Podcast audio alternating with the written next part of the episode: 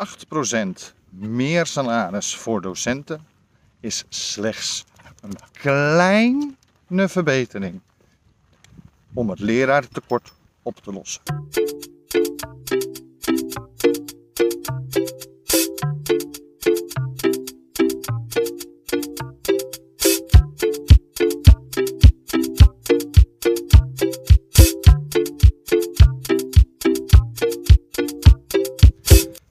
Hele goede morgen en eh, welkom bij deze nieuwe aflevering van de podcast De Ochtendwandeling. Mijn naam is Bastiaan Toornent, ik ben theatermaker, acteur, podcaster en opiniemaker. Maar ik ben met name een hondenliefhebber. En zoals bijna iedere morgen, uh, nou ja, ik loop dan niet meer, maar lopen mijn hondjes door de Zandvoortse duinen. En terwijl we dat doen, bespreek ik met u diverse politieke en of maatschappelijke onderwerpen. Um, nu kunt u deze podcast natuurlijk vinden op Spotify, iTunes, Apple Podcasts, Google Podcasts en diverse andere podcastplatformen. Tevens kunt u natuurlijk uh, de video's van deze podcast vinden op uh, mijn YouTube kanaal. Of natuurlijk op mijn, pardon, uh, op mijn Facebook fanpage. Nou, like, subscribe, doe de duimpjes omhoog. Deel uh, de filmpjes en abonneer je natuurlijk. En als u nou meer informatie over mij wil, of over deze podcast, of u wilt vriend van deze show worden, kijk dan even op mijn website en dat is www.torenent.nl. Goed, waar ga ik het over hebben? Nu ik weer voor de tweede dag in de rolstoel over de, uh, door de duinen heen rijd. Nou, we gaan het hebben over uh, meneers, uh, minister Slopsen uh, actie. En dat is in probleemgebieden, vooral waar probleemleerlingen zijn ontstaan, mede door uh, corona en daardoor achterstonden ontstaan, gaan ze docenten extra ondersteunen met 8% salarisverhoging. Nou, vind ik het ten eerste, moet ik heel meteen zeggen, dat meer dan terecht is dat docenten 8% uh, salarisverhoging krijgen. Maar wat ik het meest bizarre van deze, dit voorstel vind, is uh, gewoon heel simpel dat het alleen voor die probleemgebieden geldt en niet voor alle docenten door het hele land heen. Wil je nou ervoor zorgen dat het docentschap op basisscholen, ook op middelbare scholen, maar met name op basisscholen, uh, weer interessant wordt voor mensen om uh, dat te gaan doen, dan moet je gewoon een marktconforme salaris gaan bieden. En dan is 8% ongeveer wel het begin, aangezien heel veel basisschooldocenten al jarenlang ongeveer hetzelfde zijn blijven verdienen. Nou, dat is gewoon mijn directe mening over dit. Ik vind het belachelijk dat alleen maar één bepaalde groep uh, het krijgt en de andere groep niet. Goed, uh, dat is uh, wat betreft de, hoe heet het, de, de gewone directe dus van slop. Nou hoorde ik gisteren ook al dat er, nou ja, heel eerlijk, nogal wat problemen waren. ik vind het dus ronduit belachelijk dat de docenten alleen uit de probleemgebieden uh, de 8% krijgen. En niet omdat ik het deze mensen niet gun. Nee, ik gun het juist wel. Uh, want uh, ja, eh, nou net wat ik zei, ze zijn al heel lang op de nullijn geweest. En het is nou niet bepaald heel aantrekkelijk momenteel om docent te worden. En zeker dan ook niet is, is als je in een probleemgebied terechtkomt. Dus uh, moet ik heel eerlijk zeggen dat ik uh, het heel goed vind dat ze dat krijgen. Maar ik vind dat iedereen het hoort te krijgen. Alle docenten horen die 8% te krijgen. Al uh, vind ik zelfs dat het misschien zelfs meer dan 8% moet zijn. Maar goed, dat is mijn eigen mening. Ik denk dat als wij meer respect tonen, ook in financiële middelen, naar basisschooldocenten, dat er ook weer en meer mannen zijn die het werk willen gaan doen. En meer uh, meer docenten eventueel ook blijven. Want het is natuurlijk voor heel veel basisschooldocenten keihard werken. Uh, voor ja, niet een heel groot perspectief qua salaris. Als je kijkt naar dat ze allemaal gewoon HBO opgeleid zijn. En sommigen zelfs WO opgeleid. Nou, dat is natuurlijk gewoon het kwestie van salaris. En gewoon het kwestie van maak het beroep aantrekkelijker voor mensen. Nou, minister Slop heeft het eindelijk begrepen dat er iets gedaan moet worden aan uh, het salaris. Eerst heeft hij toen de eisen, is nog voor de coronacrisis, toen ze nog maar 5% eisten, heeft minister Slop uh, dat juist tegengehouden. Hadden het kabinet niet meer geld over voor uh, het onderwijs, of met name voor de docenten. Dus wel voor het onderwijs, maar niet voor de docenten. Um, nu hebben ze eindelijk begrepen dat dat echt niet meer kan. Maar ja, hoe komt dat? Kijk naar het bericht wat we gisteren uh, bijna allemaal konden horen op het journaal. Er was in uh, Friesland, uh, want ja, in Noord-Holland hier en in Friesland en Groningen zijn de scholen weer begonnen. Er was een docent, er was een klas groep 8. En daar was het lerarentekort zo groot dat ze dus uh, hoe heet het, de tussenwand van een lokaal eruit hebben gehaald. De school. En nou staat er één docent voor 52 leerlingen. Nou, um, ik weet het dat het in de jaren 60 en weet ik veel wat heel normaal waren, dat soort aantallen leerlingen in één klas. Maar dan had je het vaak wel over 52 eh, leerlingen met diverse niveaus bij elkaar. Ik zeg niet dat het een pretje was, maar het was wel een andere tijd. Leerlingen zijn nu veel gebekter. Ouders van leerlingen zijn veel gebekter en lastiger voor docenten. Dus uh, ja, uh, het is toch te krankjorum voor woorden dat wij in een zo ontwikkeld modern land uh, 52 kinderen in één klas, in één groep, acht klas stoppen. Tijdens coronatijd nog steeds. Ik bedoel, de crisis is nog niet helemaal over. Dus heel eerlijk, ik vind dat krankjorum dat ze dit soort. Uh, nou ja, dat het zo ver, het zo hoog opgelopen is. En dat de politiek maar niet met een goede oplossing lijkt te komen.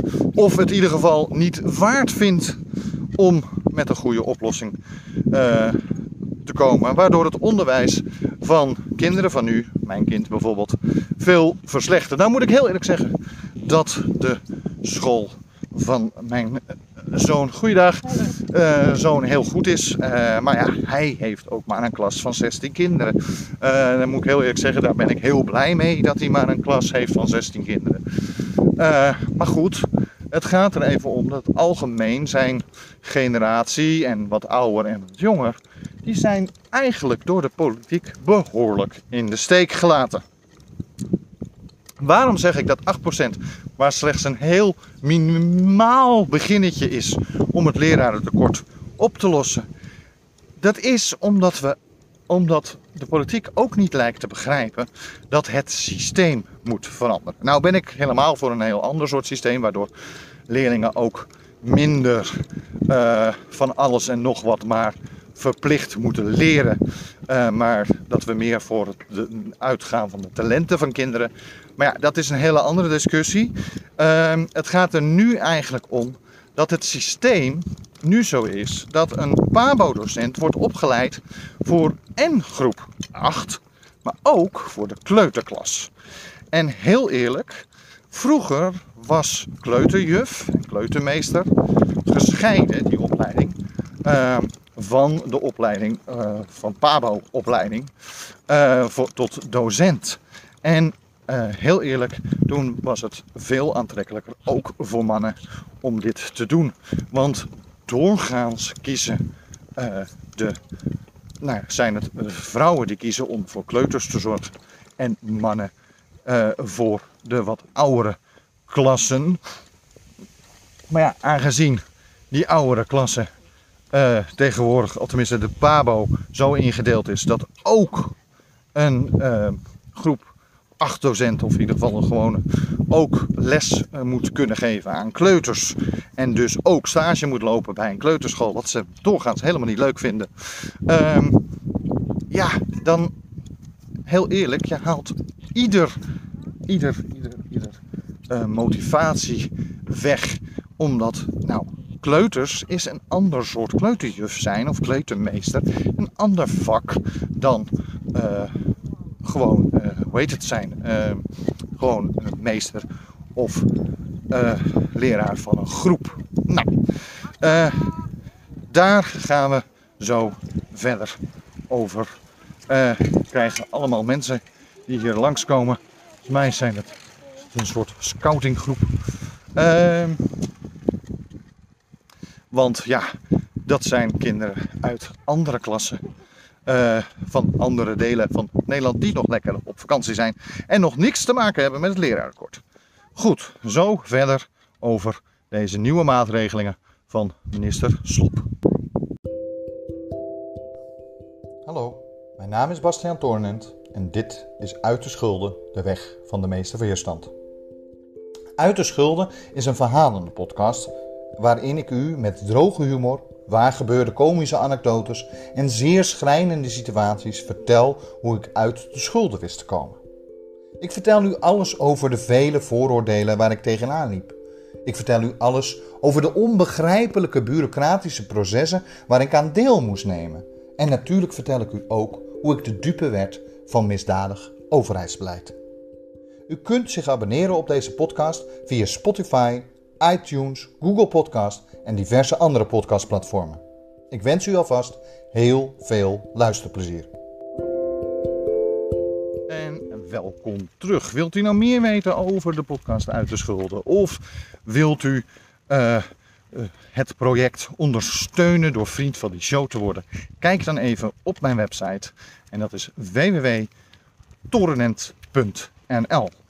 Goed, terug naar het onderwerp. Terug naar het lerarentekort en deze nieuwe regeling van minister Slop om 8% meer salaris te geven. Alleen aan docenten die uh, in gebieden werken waar grotere achterstanden zijn die nog niet ingehaald zijn. Nou, uh, zoals ik eerder zei, ik vind gewoon werkelijk dat alle docenten die 8% zou moeten verdienen. Uh, vind ik dan niet dat uh, bijvoorbeeld in dat soort probleemgebieden, waar ook minder docenten vaak werken, uh, meer stimulans moet zijn? Ja, natuurlijk vind ik dat. Er moet meer stimulans zijn. Dexter, Masja! maar, maar, meer stimulans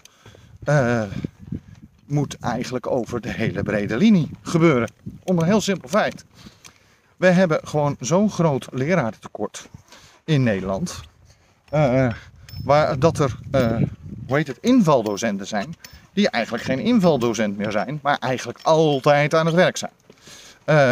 De coronacrisis en het quarantaine gebeuren, wat er hiervoor is gebeurd, heeft daar niet veel goeds aan gedaan, natuurlijk. en daarbij komt natuurlijk ook nog dat je, dat je, nou ja, als de druk zo hoog is, of de klasse zo groot, dan krijg je automatisch dat mensen, nou ja, dat docenten sneller uitvallen voor, uh, om les te geven. En om, dat is ook allemaal eigenlijk heel logisch. Ik bedoel, hoe hoger jouw werkdruk en hoe minder leuk het daardoor wordt, hoe meer leerlingen er zijn, hoe meer ouders er zijn, et cetera, et cetera, hoe vervelender het wordt. En ik weet dat ik het eerder gezegd heb uh, dat we meer, uh, hoe heet het, uh, hoe heet het, dat, dat ik vind dat docenten gewoon meer ontlasting moeten hebben. Mijn excuses, ik moet even de riemen, voor de kijkers bedoel ik dan, de riemen van mijn honden een beetje goed doen. Want we gaan inmiddels de gewone straat weer op en dan hebben ze toch moeten ze wel aan de riem. Um, goed, um, ik vind dat docenten ontlast moeten worden. Uh, de stress moet minder worden, et cetera, et cetera. En hoe kunnen we die stress verminderen?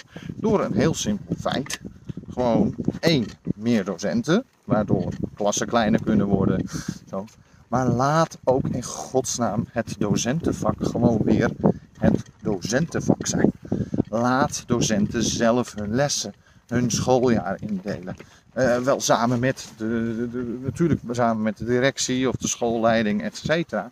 Tuurlijk. Maar niet zo.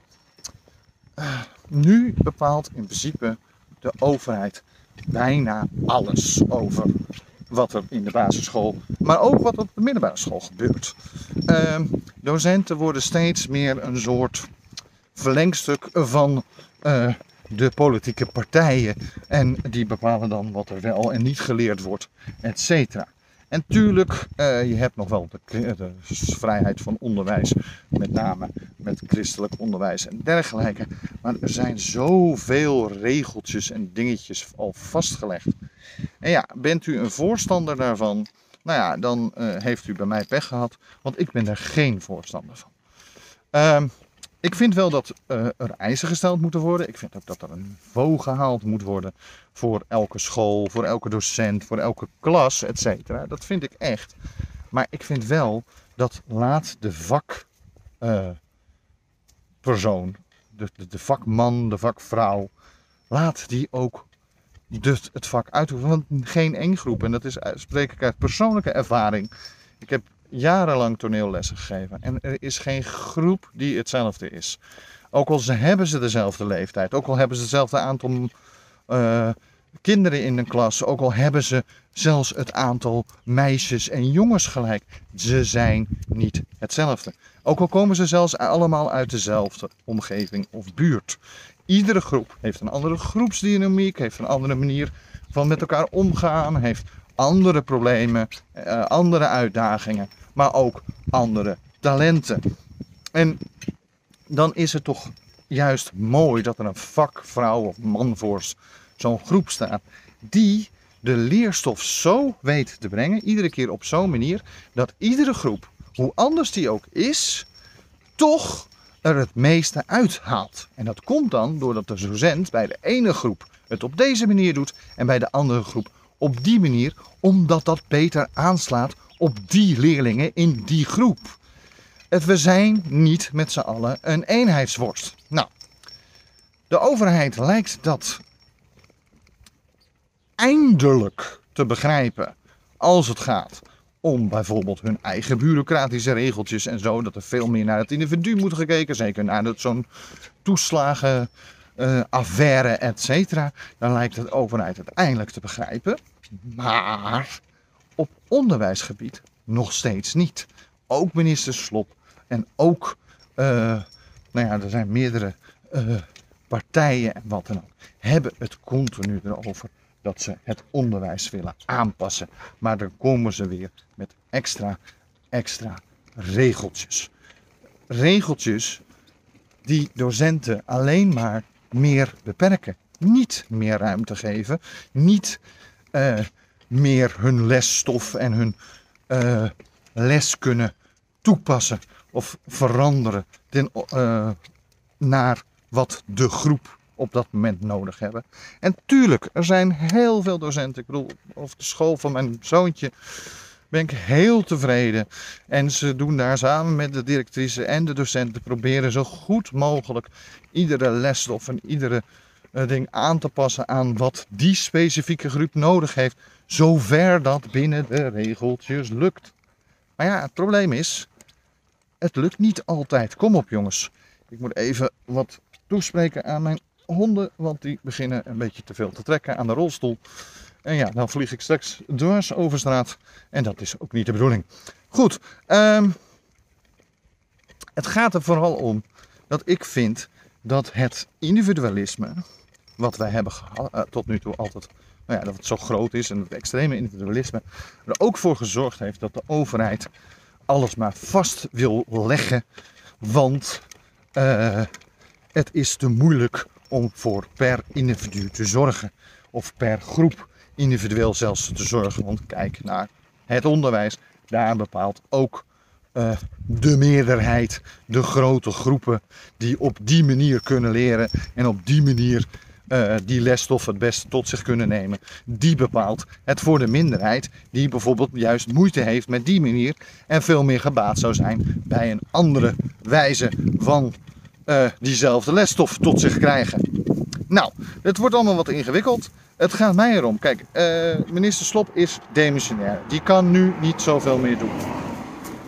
Er is nog steeds een kans dat uh, de ChristenUnie niet mee gaat doen in het nieuwe te vormen kabinet. Waarvan de formatie in mijn optiek al veel te lang duurt. Maar goed, dus er is nog steeds een mogelijkheid dat minister Slop straks geen minister meer is. Uh, er is ook een mogelijkheid dat hij straks gewoon weer minister van Onderwijs is. Of dat hij een andere minister wordt. Want heel eerlijk, uh, zijn heel vaak worden gaan ministers bij een volgend kabinet opeens zwitsen van post. En dan vraag ik me soms wel eens af. Welke van die ministerschappen was nou je eigen expertise? Nou, um, ik vind minister Slop niet een goede, niet een bijzonder slechte uh, minister van Onderwijs. Wel een slechte minister van Cultuur, et cetera. Uh, ik, vind niet, ik vind hem niet een bijzonder slechte uh, minister van Onderwijs. Maar ik vind hem ook niet een bijzonder goede. Ik bedoel, eigenlijk is het een stilzitter.